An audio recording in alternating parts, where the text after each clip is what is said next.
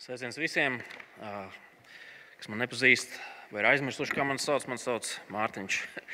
Mārtiņš un esmu šīs draudzes mācītājs. Ir liels prieks jūs visus redzēt, arī tos daudzos, kas mūs skatās tiešraidē. Šajā dienā mēs turpināsim mūsu gājienu cauri vēstulē romiešiem, un mēs lasīsim no otrās nodaļas, sākot ar 12. pantu. Draudzes Bībelēs tā ir 1139. lapuse vēstule romiešiem. Otrā nodaļa, sākot ar 12. pantu. Pāvils raksta, kas grēkojuši bauslību nepazīdami, bez bauslības ies arī bojā, bet kas grēkojuši zem bauslības būdami, pēc bauslības tiks tiesāti. Jo ne jau tie, kas bauslību klausās, ir taisni Dievu priekšā, bet bauslības turētāji tiks attaisnoti. Kad pagāni, kam nav bauslības pēc dabas, dara to, ko bauslība prasa, Tie, būdami bez bauslības, paši sev ir bauslība. Viņi parāda, ka bauslība ir ierakstīta viņu sirdīs. To apliecina arī viņu sirdsapziņa un viņu domas, ar kādām tie cits citu vai nu apsūdz vai aizstāv. Kā esmu sludinājis savā evanģēlijā, nāk diena, kad Dievs caur Jēzu Kristu tiesās visu, kas cilvēka apslēpts. Ja tu saucies jūts un paļaujies uz bauslību un dižojies Dievā, Ja tu zini viņa gribu un bauslībā mācījies, atšķir noderīgo, un ja tev ir pārliecība, ka esi ceļa vadonis akliem, gaisma tiem, kas tumsā, un audzinātājs neprašām, un skolotājs jaundzimušajiem, un ja tu esi tāds, kam bauslība ir atziņas un patiesības iemiesojums, kā tad tu citus mācīdams nemāci sevi? Sludinādams, ka nebūs zakt tu zods, teikdams, ka citi Lai citi nav laulības pārkāpēji, tu pats esi tāds. Tev riebji elki, bet elku templis tu aplaupi. Tu, kas ar bauslību dižojies, tu pats to pārkāpdams apkauno Dievu. Kā ir rakstīts, jūsu dēļ Dieva vārds tiek zaimots citās tautās. Apgraizīšana der, ja tu rīkojies pēc bauslības. Bet, ja esi bauslības pārkāpējs, tad tava apgaizīšana ir tas pats, kas neapgaizīšana. Un, ja neapgaizītais tur bauslības taisnību, Vai viņa neapgaizīšana neskaitīsies apgaizīšana? Vai tas, kas pēc dabas ir neapgaizīts, bet pilna bauslība, vai viņš netiesās tevi, kas esi bauslības pārkāpējs, lai gan tev ir raksti un apgaizīšana? Ne jau tas ir jūtas, kas ārēji tāds, nedz arī tā apgaizīšana, kas ārēji pie miesas, bet tas ir jūtas, kas tāds ir iekšēji, kam sirds ir apgaizīta pēc gara, nevis pēc burta.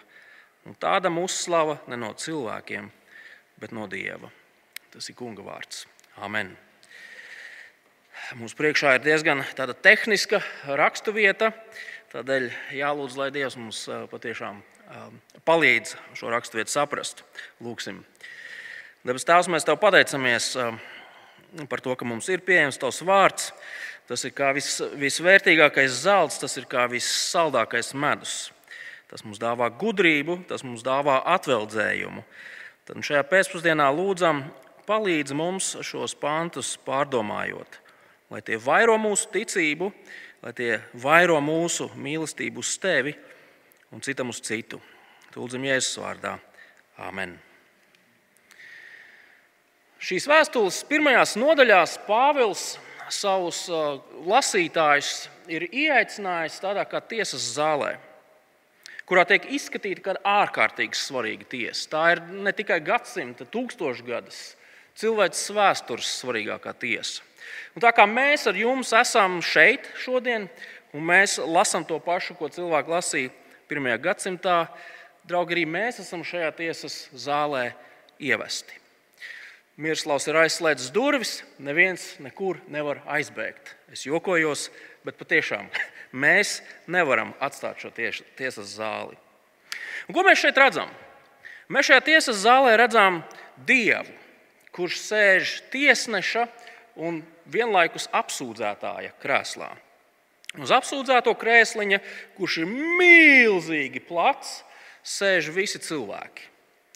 Arī mēs ar jums tur sēžam.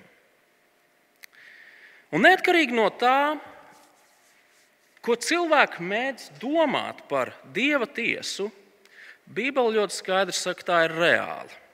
Tā ir reāla, un kādu dienu ik viens šīs zemes iedzīvotājs ar to saskarsies. Un Bībele māca, vēstules pirmajā nodaļā, ka Dievs ir dusmīgs uz cilvēku. Kāpēc? Tāpēc, ka cilvēks apslāpē patiesību par Dievu. Viņš to sagroza, viņš to mēģina kaut, kā, kaut kur notušēt un pastumt malā. Cilvēks šo dzīvi dzīvo tā, it kā Dieva nebūtu. Dievs ir mūsu radītājs, mēs esam viņa radīti. Un tieši tādēļ kādu dienu Dievs prasīs, Klau, tu mana radība. Kāpēc tu dzīvoji tā, it kā manis nebūtu? Un Dievs tajā dienā katram dos pēc viņa darbiem. Bet, draugi, tajā brīdī, kad, kad visu izgaismojošais Dieva taisnības prožektors tiek pagriezts uz mūsu pusi, mums kā cilvēkiem tā dabiskā reakcija, nezinu kāpēc, ir domāt, ka tas uz mums kaut kā neatiecas. Jā, mēs, protams, gribētu to, lai Dievs uh, tiek galā ar visiem ļaundariem, ar visiem noziedzniekiem, bet mēs jau sevi neredzam viņu vidū. Kāpēc gan lai Dievs uz mums dusmotos? Nu, mēs taču neesam tie, kurus uh, rāda raidījumā, kā viņi sauc, degpunktā.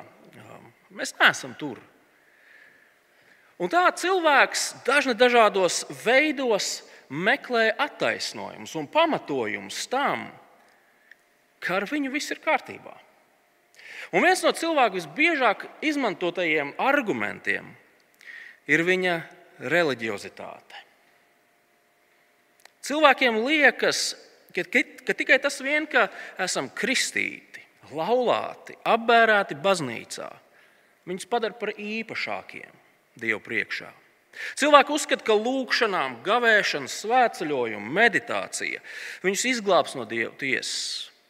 Cilvēkiem liekas, ka pietiek ar to, vien, ka viņi piesauc kaut kādas mistiskās, kristīgās vērtības, lai Dievs viņiem teiktu, manējais. Cilvēks saka, es esmu piedzimis kristīgā ģimenē, kristīgā valstī.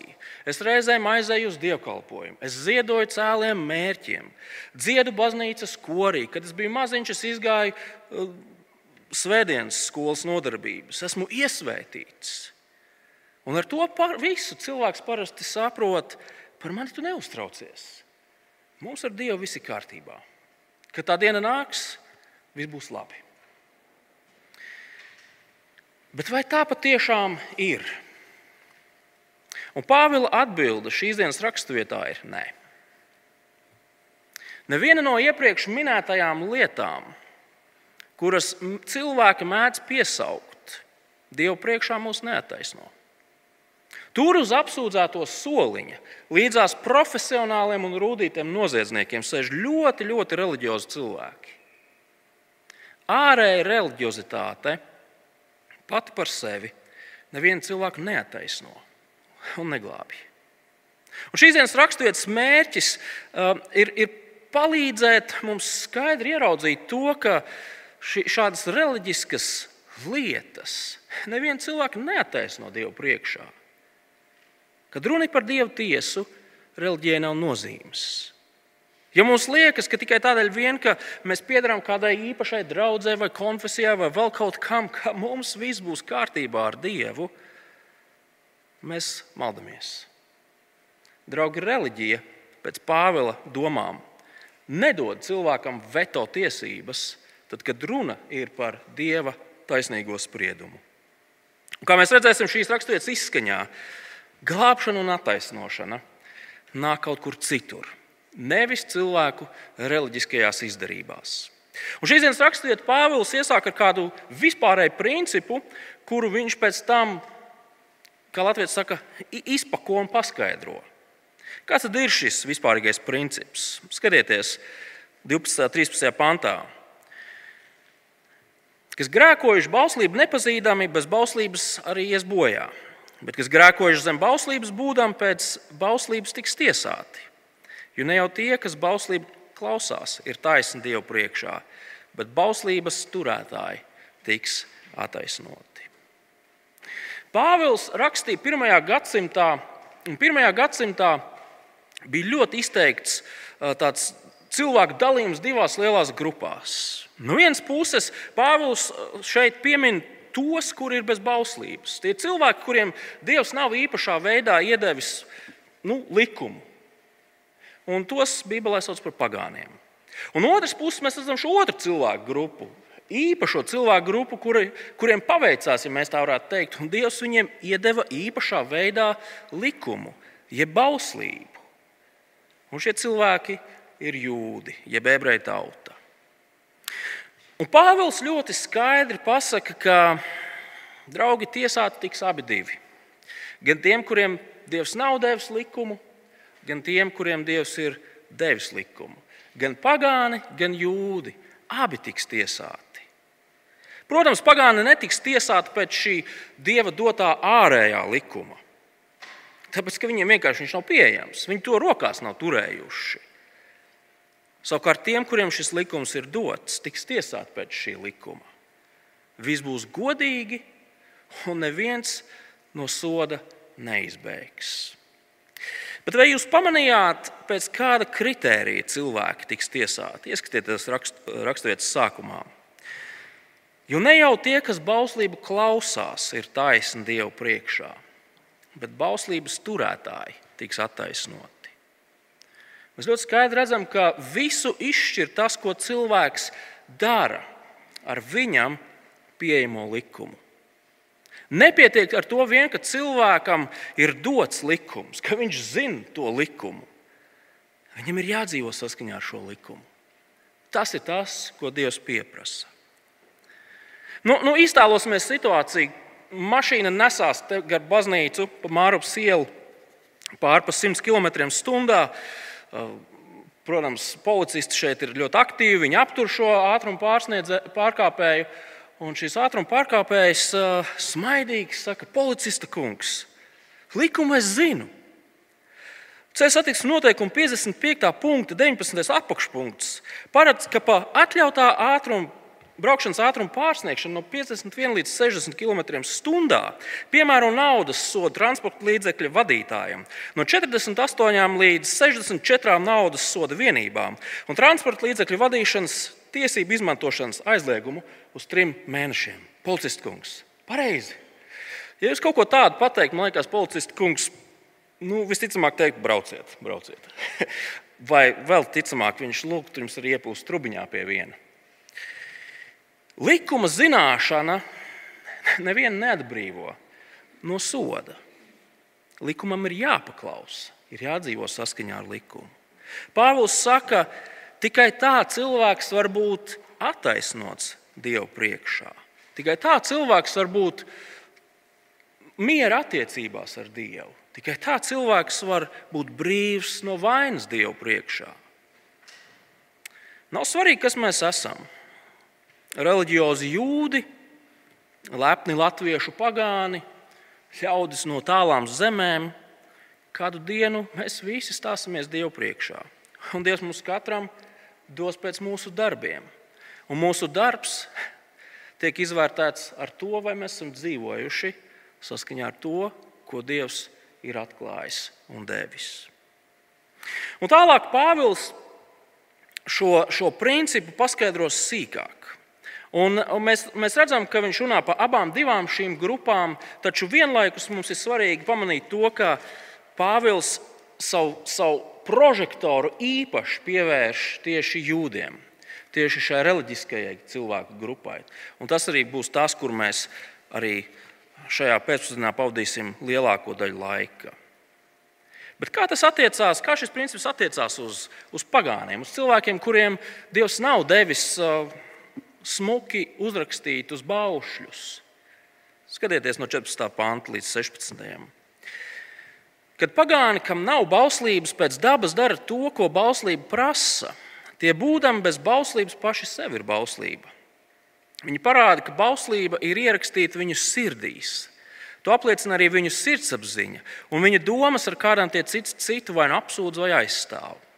Kā esmu sludinājis savā evanģēlijā, nāk diena, ka Dievs caur Jēzu Kristu tiesās visu, kas cilvēkā apslēpts. Šis tulkojums nav ideāls. Nedaudz precīzāks tulkojums uh, šiem pantu izskaņai ir šāds. To apliecina arī viņu sirdsapziņa un viņu domas, ar kādām tie cits citu vai nu apsūdz vai aizstāv tajā dienā, kad Dievs caur Jēzu Kristu tiesās visu, kas cilvēkā apslēpts, kā esmu sludinājis savā evaņģēlijā. Pāvils šeit apgalvo to, ka pat tie cilvēki, kuriem nav dots smuki uz māla plāksnītēm, papīrusa ruļļa vai, vai oranžā grāmatā iesiets likums, viņi spēja lielos vilcienos atšķirt starp labo un ļauno. Jau sen dažna dažādo pasaules reliģiju un kultūru pētnieki ir izdarījuši pārsteidzošu novērojumu. Un par to mēs varam lasīt daudz un plaši gan internetā, gan grāmatās. Proti, ikvienā pasaules uzskatā, lai cik primitīvs un vienkārši tas arī nebūtu, pastāv vesela virkne pamatnoteikumu par to, kāda rīcība ir laba un kāda rīcība ir ļauna un nosodāma. Un pārsteidzošākais tajā visā ir tas, ka, lai kur vien mēs nedotos, šie pamatnoteikumi visur ir vienādi. Šie nerakstītie pamatnoteikumi visur ir vienādi. Piemēram, lai kur mēs pasaulē arī nedotos, tagadnē, pagātnē, civilizācijā, primitīvos džungļos, ik viens cilvēks zina, ka nedrīkst nogalināt. Ik viens cilvēks zina, ka nedrīkst zakt. No ienaidniekiem varbūt vēl jā, bet no savējiem tu nekad nedrīkst zakt. Ik viens cilvēks zina, ka pārkāpt laulību nedrīkst. Ik viens cilvēks zina, ka ir jāgodā savu senči. Protams, dažādās kultūrās, dažādos laikos, ko tieši šie likumi un, un nerakstītie noteikumi nozīmē un kā tie izpaužās, tas var būt atšķirīgi. Piemēram, pirms kāda laika jau lasīju par kādu salu, iezemiešu cilti, kuri ir kanibāli. Un, un viņu izpratnē godāt savus senčus nozīmē viņus apēst. Labi, ka bērni ir aizgājuši. Uh, tieši tā, jo viņi uzskatīja, ka nav lielāka goda, ko parādīt saviem senčiem, kā turpināt viņu eksistenci caur viņiem. Lai kādā veidā tas arī nenotiktu. Lai vai kā, tas viss parāda to, ka cilvēki, kuri nav saņēmuši dieva rakstītus noteikumus, baušļus, kuri nav dzirdējuši dieva balsi no, no, no kalna, virsotnes arī dzīvo pēc noteikta standarta, kas ir ierakstīti, kā Pāvils saka, viņu sirdsapziņā vai viņu domās. Un mums ir svarīgi pamanīt, ka Pāvils šajos pantos nesaka, paskat, cik tie pagāni ir labi. Nu, paskat. Nē, Pāvila nodoms ir tieši pretējs. Mēs redzam to, ka šie cilvēki ir vainīgi pie, pie šo standartu pārkāpšanas. Šie nerakstītie likumi un noteikumi, kuriem viņi cenšas sekot, norāda uz to, ka viņi ir vainīgi, ka viņi nespēj šos likumus un noteikumus turēt. Tas ir neizbēgami. Nu, ja jūs neticat, jūs varat savākt mazu domu biedru grupiņu, braukt kaut kur uz dziļiem mežiem un dibiniet kopienu, kurā izveidojat taisnīgu likumu kodeksu.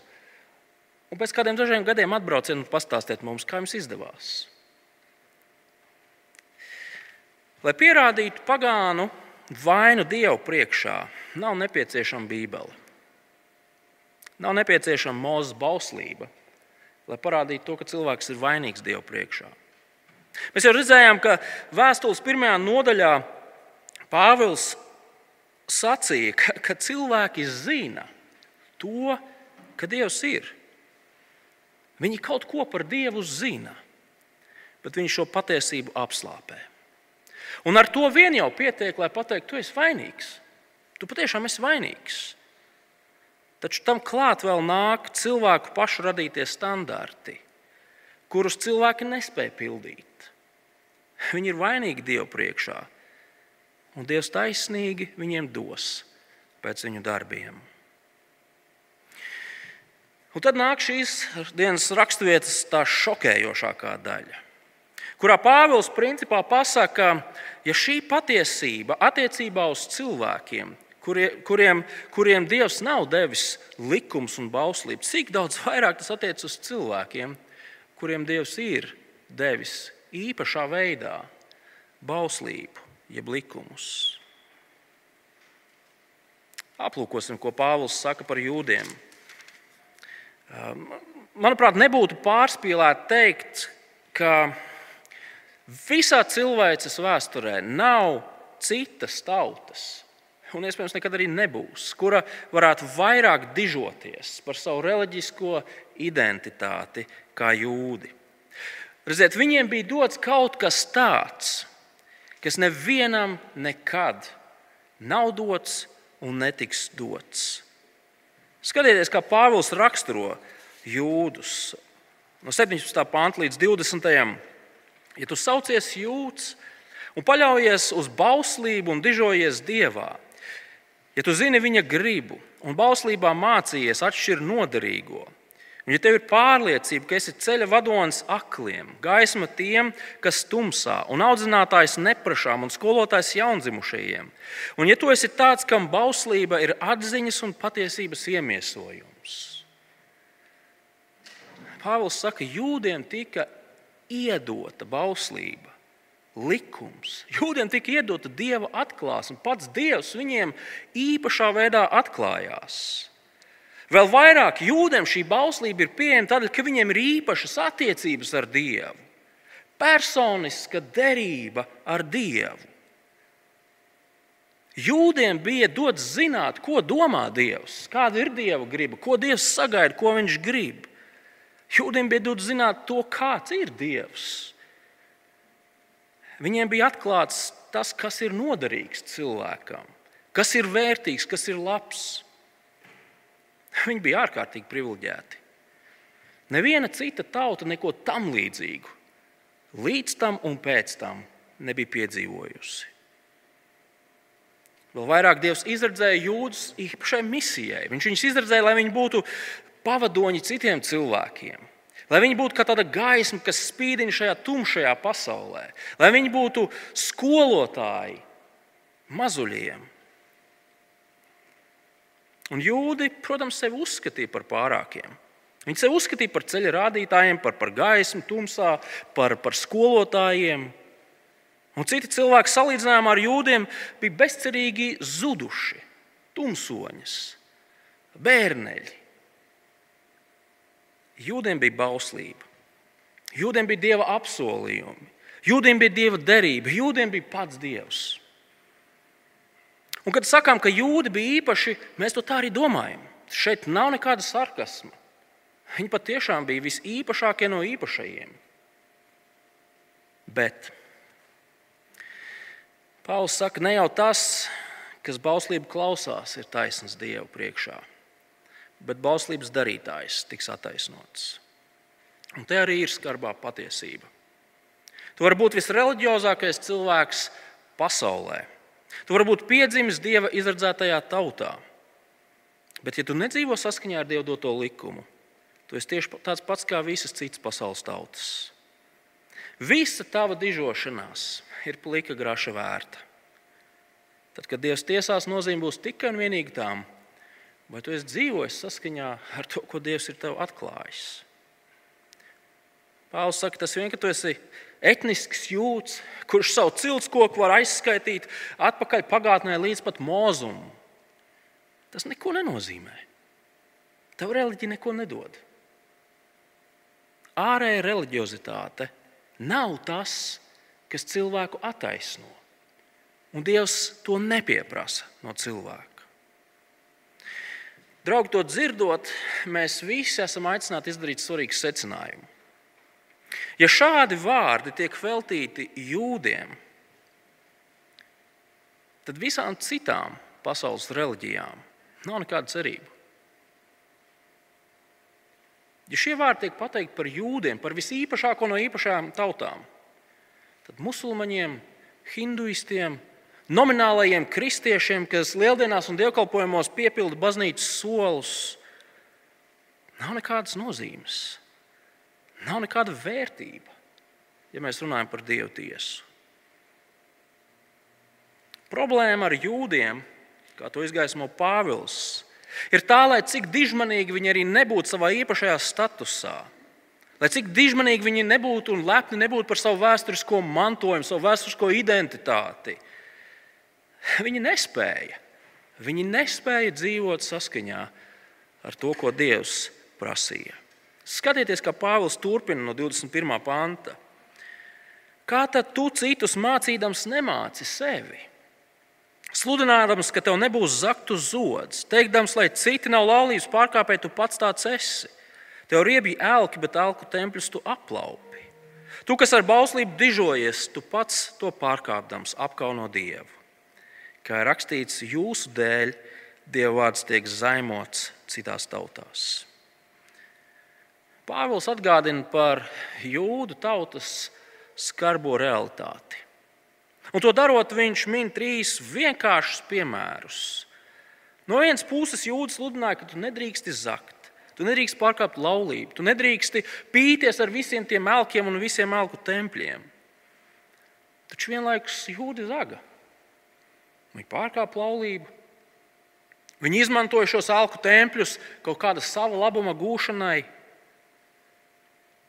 Draugi, uh, Dieva tautas vēsture nav cēla un cildena literatūra par to, kā viena maza varonīga tautiņa turējās pie dieva un cīnījās pret bezdievības ienaidniekiem.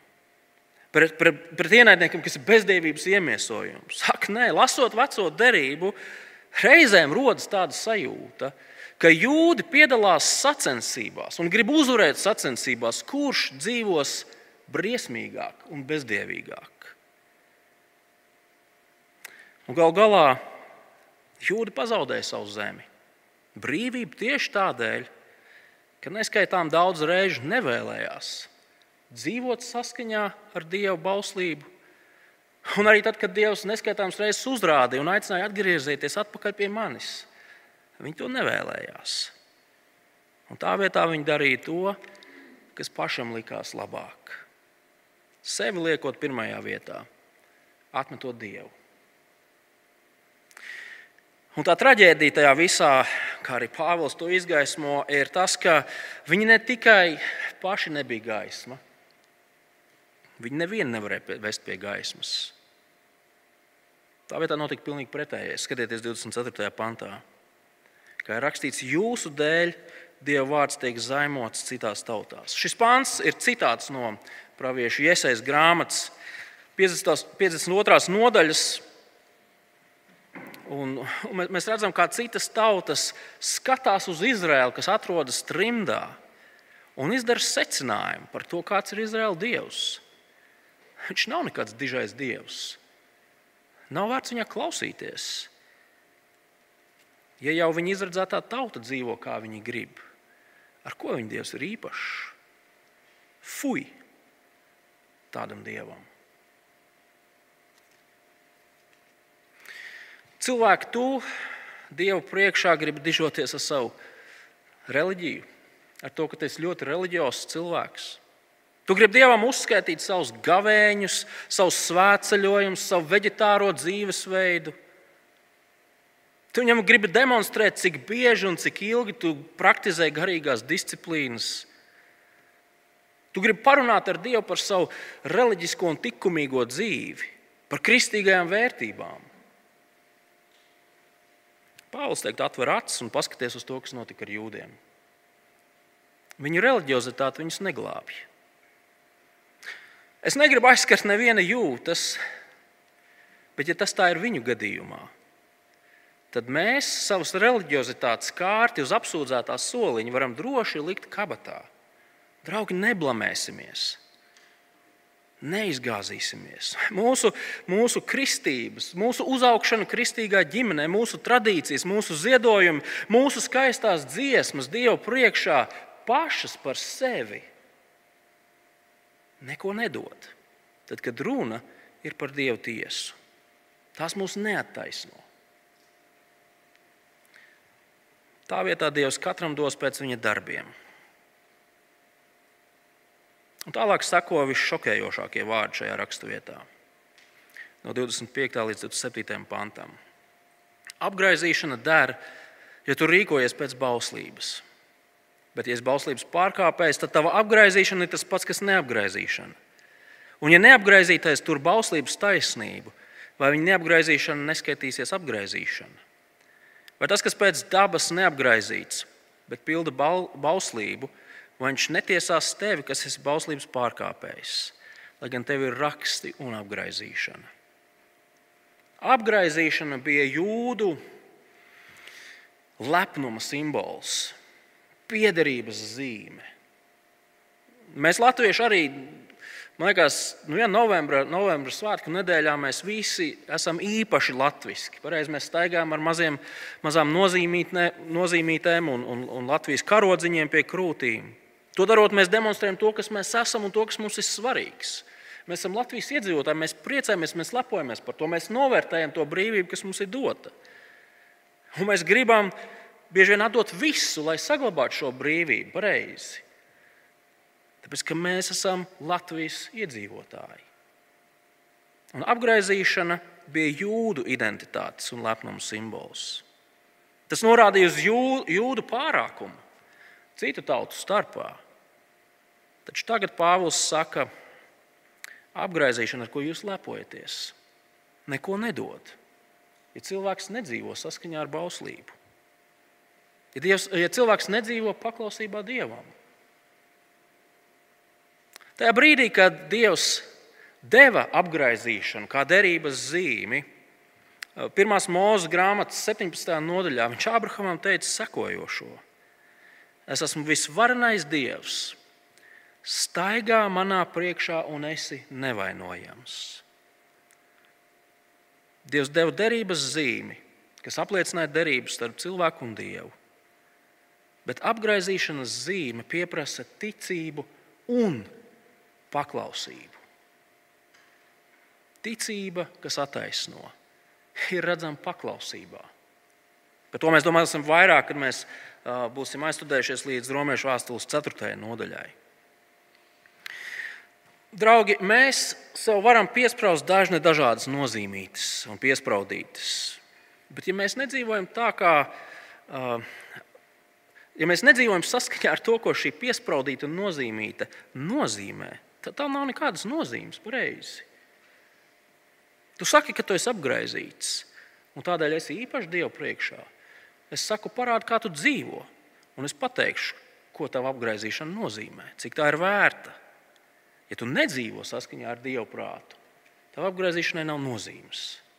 Tas cilvēks, kurš cenšas dzīvot saskaņā ar nerakstīto bauslību, ir labāks par tevi, lai gan viņš ir pagānu pagāns, kurš nav apgaizīts.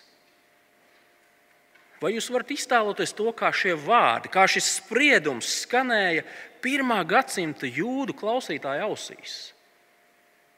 Vai pagānu klausītāju ausīs, kurš ir uzaugusi ar domu, ka viņš nav nekas, tāpēc ka viņš ir pagāns? Ārēji reliģija, rituāli, piederība īpašai tautai vai īpašai cilvēku grupai, kristības, laulības baznīcā, iesvētas mācība. Tas neko nedod. Pats par sevi tas nav nekas. Skatieties, kā Pāvils noslēdz šo raksturvietu. 28. līdz 9. pāns. Ne jau tas ir jūtas, kas ārēji tāds. Ne tā ir apgaizīšana, kas ārēji pie miesas, bet jūtas ir tas, kas tāds ir iekšēji kam sirds ir apgaizīta pēc gara, nevis pēc burta. Un tādam uzslavu no cilvēkiem, e, uzslavu ne no cilvēkiem, bet no dieva. Jūds, jeb dieva cilvēks, ir nevis tas, kurš var norādīt uz kādai, kādām ārējām lietām, bet gan tas, kuras sirds ir mainīta. Un patiesība ir tāda, ka mēs nevaram iegūt attaisnošanu. Mēs nevaram iegūt glābšanu caur ārēju darbu darīšanu, caur reliģisku darbu darīšanu. Glābšana un attaisnošana ir iespējama tikai un vienīgi caur darbu, ko Dievs dara mūsu labā, caur mūsu sirds izmaiņām. Ne jau tas ir jūtas, kas ārēji tāds. Nec tā ir apgaizīšana, kas ārēji pie miesas, bet jūts ir tas, kas tāds ir iekšēji, kam sirds ir apgaizīta pēc gara, nevis pēc burta. Un tādam uzslavu ne no cilvēkiem, bet no dieva. Pāvils saka, draugi, ja mēs skatāmies pēc likuma, mēs visi esam vainīgi. Ja mums ir dots smags likums, mēs esam vainīgi, jo mēs nespējam dzīvot saskaņā ar šo likumu. Un, ja mums nav šāda smuka likuma, mēs zinām, ka mēs arī esam vainīgi, jo mēs nespējam dzīvot arī paši pēc savi, savas radītās standarta. Tādēļ Pāvils noslēgumā saka, ka mums kā cilvēkiem ir vajadzīga radikāla sirds operācija. Mums ir vajadzīgas radikālas izmaiņas. Caur krietnu dzīvi, caur labiem darbiem, caur reliģiskiem darbiem, caur mēģinājumiem pildīt dievu baušļus, mēs nekad neiegūsim attaisnošanu Dievu priekšā. Tas viss tikai atklās uz mūsu nepilnību un uz mūsu vainu. Mums ir vajadzīga Dieva palīdzība. Mums ir vajadzīga šī sirds operācija, ko es pieminēju. Mums ir nepieciešams radikāls izmaiņas. Bez tā nekas nevar notikt. Ziniet, kāda ir labā ziņa tajā visā? Dieva gars ar lielāko prieku šādas izmaiņas veids cilvēkā. Kā tas notiek? Tas notiek tad, kad cilvēks dzirdot par kungu Jēzu Kristu, viņa personu, viņa darbu, viņa, viņa nāvu un augšām celšanos, viņa krustu. Viņš saprot, ka viņš pats nespēj sev sarūpēt taisnošanu. Viņš saprot, ka viņš ir grēcīgs, bezspēcīgs, bezpalīdzīgs Dieva priekšā. Tas notiek tad, kad cilvēks saka, Dievs Kristus darba dēļ man ir apžēlojis. Pateicība viņam. Un tajā brīdī, kad cilvēks saprot šo patiesību par sevi un to, ko Kristus viņa labā ir izdarījis, tajā brīdī nevienai acī nemanot, cilvēkā notiek visradikālākās izmaiņas. Viņa sirds sāk pukstēt citādāk. Tā pukst tā, kā pukst piedošanu, glābšanu, apžēlošanu un žēlstību saņēmusi sirds. Šī sirds sāk pukstēt dievam. Tā pieder dievam. Un šādas neredzamas sirds izmaiņas, kas ir radikālas, kļūst redzamas. Tās kļūst redzamas tajā brīdī, kad mēs paklausībā cenšamies dzīvot savam dievam. Ārēja reliģiozitāte un, un rituāls izdarības nomaina patiesa vēlme darīt to, ko dieva ļaudīm ir jādara. Patiesa vēlme kalpot dievam, patiesa vēlme būt par ceļa rādītājiem akliem, par, par tiem, kas tumsā spīdina gaismu, par tiem, kas ir skolotāji mazuļiem. Draugi, ja kāds Dievu priekšā grib dižoties ar savu reliģiozitāti, nedariet to. Tas ir absolūti bezjēdzīgi. Tas ir smieklīgi. Tas ir skumji. Nepievilieties. Nemāniet sevi. Mūsu glābšana un attaisnošana nāk tikai un vienīgi caur viena cilvēka darbu, caur Jēzus Kristus nāvu un augšām celšanos.